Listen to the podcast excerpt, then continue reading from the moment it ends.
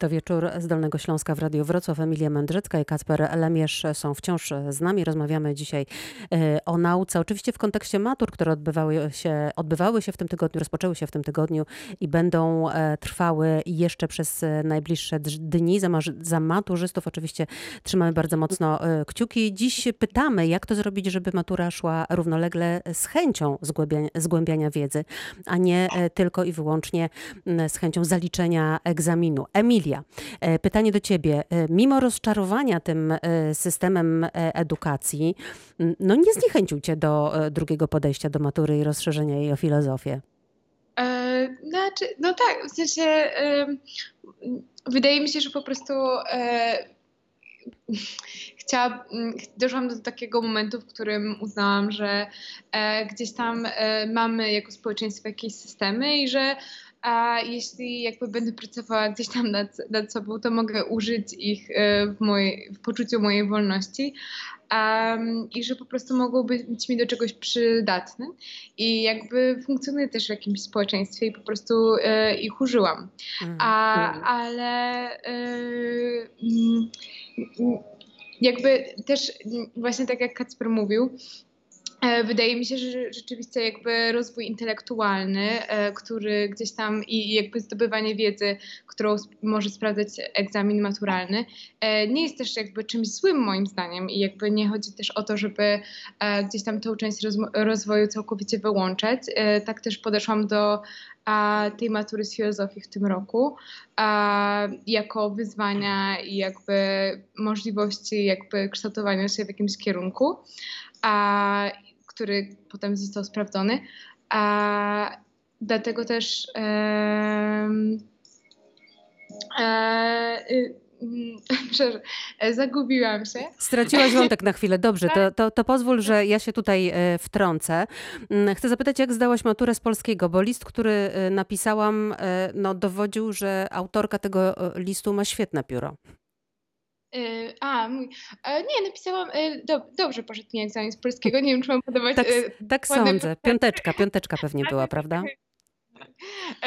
Tak, dostałam. Ja y, może dopowiem do tego, co mówiłaś dobrze, wcześniej, dobrze. Y, bo, bo, bo mam wrażenie, że dotykasz właśnie bardzo ważnego aspektu w tym. -hmm. Jak mówiliśmy też wcześniej o tym, że pisałeś dzisiaj tę maturę i trochę się śmialiśmy, że mamy i tą rozmowę i jednocześnie ta matura teraz akurat. -hmm że ty też wybrałaś to, powiedziałaś, jako, jako takie wyzwanie dla siebie po prostu, mm -hmm. tak? I teraz zupełnie inna perspektywa jest, kiedy świadomie właśnie w, w poczuciu wolności wybieramy coś jako wyzwanie dla nas, a zupełnie jest inaczej, kiedy robimy to z takiego poczucia, że, że nie przetrwamy w tej sytuacji po prostu, tak? Albo mm -hmm. jesteśmy mhm. beznadziejni i jeżeli jej nie spełnimy, no to, to, to jakby to będzie świadczyć o naszej wartości jako człowieka, tak? I wracając do tych badań, które cytowałem, no to to jest po prostu bardzo mocno z tym skorelowane, tak? I i bardzo, bardzo ciężko jest z perspektywy ucznia, który ma też jakby tak bardzo wtłaczane to, jak to jest istotne, tak? Jakby czuć tym, czuć tym wolność, czuć tym spokój po prostu.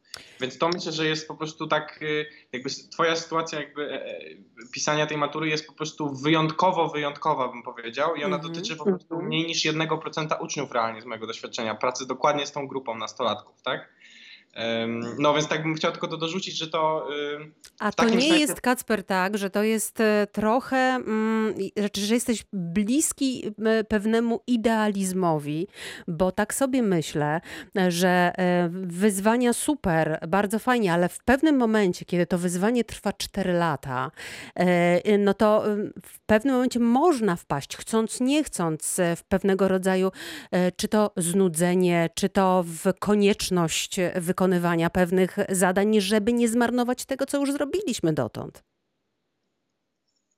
Aha, i, i to mówisz w takim kontekście, że w, że w, w związku z tym wtedy co? Albo co, co w tym jest jakby związane znaczy, Myślę sobie, że, że trudno jest, żeby wyzwaniem, żeby, żebyśmy cały czas czuli, że coś jest naszym wyzwaniem. Z tego względu, że jeśli w czymś tkwimy e, dłuższy czas, e, to zwyczajnie no, możemy się do tego e, przyzwyczaić i nie czuć już tak bardzo, że nas to porywa, że to jest wyzwanie. W związku z tym idziemy dalej w pewnym kierunku, bo obraliśmy sobie jakiś, jakiś cel, ale niekoniecznie czujemy, że, że to jest aż tak wielkie wyzwanie dla nas, jak czuliśmy to na początku.